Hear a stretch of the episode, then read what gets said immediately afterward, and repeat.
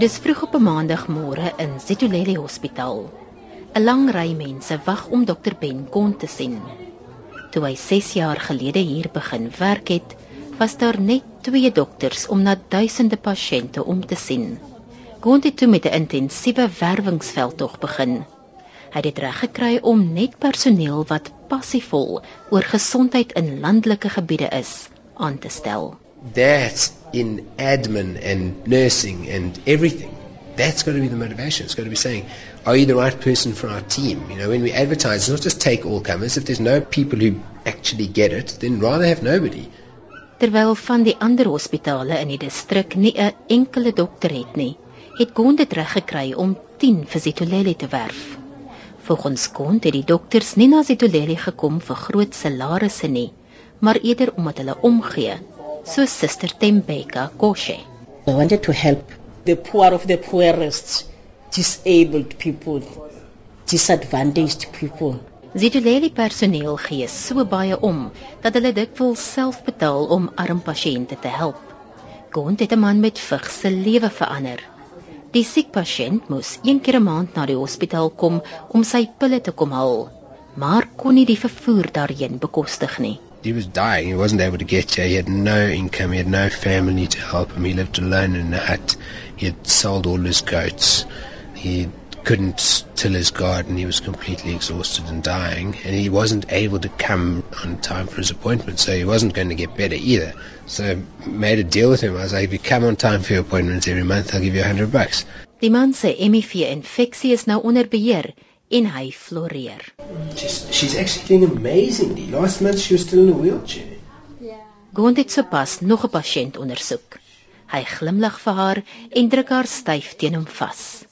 Die hoofdokter sê hy en sy kollegas vind dit moeilik om 'n sogenaamde professionele afstand van hulle pasiënte te handhaaf. Literally, it's about greeting them and hugging them when they're sad and putting a hand on their shoulder and just because they people like the public health system tends to treat people as like it's terrible. We're not technicians.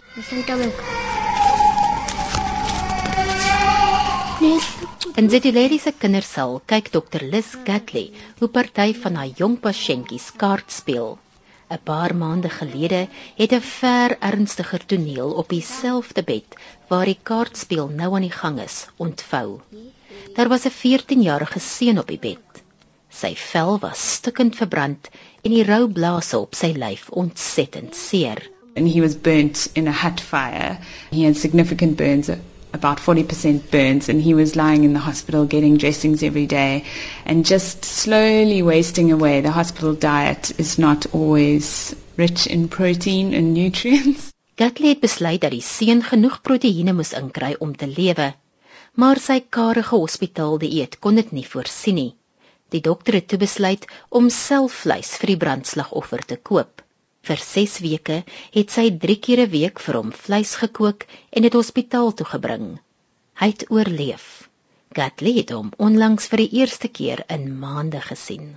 And then he walked through the hospital door the one day. I couldn't believe it. He looked really chubby actually and saw his scar. It was nicely healed and yeah, he was absolutely fine.